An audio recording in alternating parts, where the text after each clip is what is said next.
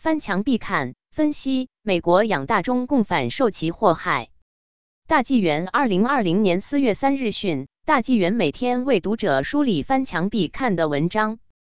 一、疫情透视：养虎为患。美国疫情为何严重？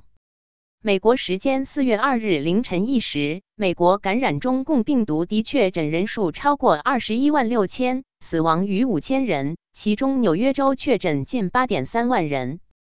二、疫情下粮食涨价，中共越辟谣，民众越抢购。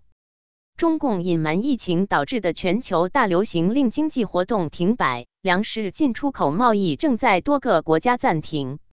中国大陆是世界最大的粮食进口国，目前大陆的粮价正在上涨，同时民众也不信中共对粮荒将至的辟谣，担心过一段时间有钱也买不到。三红二代道席不太可能，但中国人心思稳变。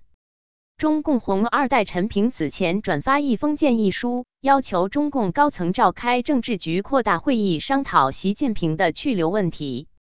因为陈平的特殊身份，所以该事件备受关注。日前，他接受美媒采访，谈了自己对这封建议书的看法。他认为这封信的诉求不太可能发生，但反映中国社会的人心思稳变。四澳媒前中共军方人士主导搜刮医疗物资运中国。澳洲媒体周二三月三十一日爆出，早在年初中共肺炎扩散至世界各地前。便有前中共军方人士参与搜刮澳洲医疗物资，再运回中国。现在换澳洲疫情告急，他们又准备送物资给澳洲，欲透过慈善活动来增加中共在澳洲的政治影响力。五中共肺炎没退烧，大陆非洲猪瘟疫情再度爆发。中国大陆中共肺炎疫情还没退烧，非洲猪瘟在大陆多省再度大爆发。近期多省持续发现多起非洲猪瘟疫情，这显示为了恢复猪只生产，各地抢仔猪，加大了猪瘟疫情传播的风险。六瑞典媒体批中共推卸疫情责任，散布阴谋论。中共隐瞒造成疫情全球大爆发，已引发全球的不满。日前，瑞典《今日工业报》刊文指，中共当局正在发起无知的推责运动，散布阴谋论等。七，美国务院质疑中国媒体在宣传、鼓吹非报道新闻。四月二日，美国驻华使馆在其官方推特上转发题为“中国媒体是新闻工作还是宣传鼓吹”的文章。文章写道：“中国中共的国营新闻机构想让全世界都以为他们是独立的、可信的，但他们并非如此。”八专家。真正的敌人是中共，美英主导抗共战略。欧美国家目前忙于应对隐形敌人——中共病毒、武汉肺炎所引发的全球大流行。然而，专家提醒，真正的敌人是中共，美国应主导全球对抗中共的战略。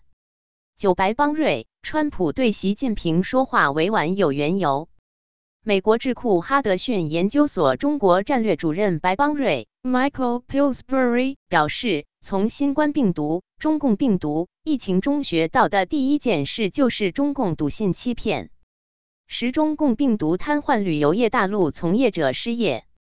两个月前，我们是令人羡慕的行业佼佼者，工作自由，收入可观。万万没想到，两个月后的今天，我们成了完全的失业者，零收入。旅居加拿大的原百城旅游规划师唐女士 （Ivy Tang） 说：“十亿潘十亿儿子连发敏感信息，暗批体制网络关切，稳定不可建立在谎言之上。万丈高楼如是有谎言做的地基。”赵导，四月一日，潘石屹的儿子潘瑞连续发了多条敏感性的微博信息，追问陈秋实，甚至影射六四，立刻引发关注和广传。十二鼓吹中共抗疫措施成功，澳工党议员遭强烈谴责。澳大利亚新州上议院工党议员莫索尔曼 （Shaykat Mosulman） 鼓吹中共抗疫措施成功的言论，招来自由党的强烈谴责和新州工党领袖的批评。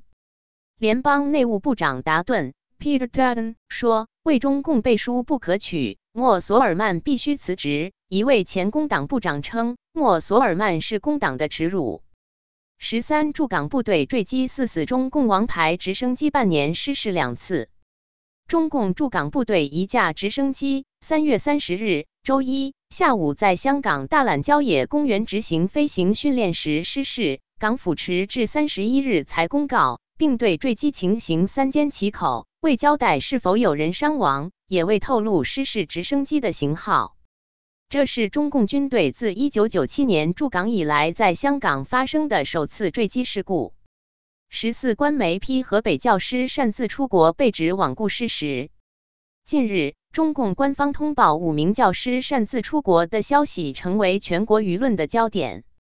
但是在当事人披露的事情原委后，民众批官媒故意忽略关键信息，欺瞒大众。十五，至清出口下滑，外资流出加剧中国经济动荡。随着中共病毒在全球蔓延，全球资本市场进入危机避险模式，投资者不计代价抛售股票、大宗商品等各种投资产品，纷纷增持美元，资金大规模回流美国。责任编辑：方明。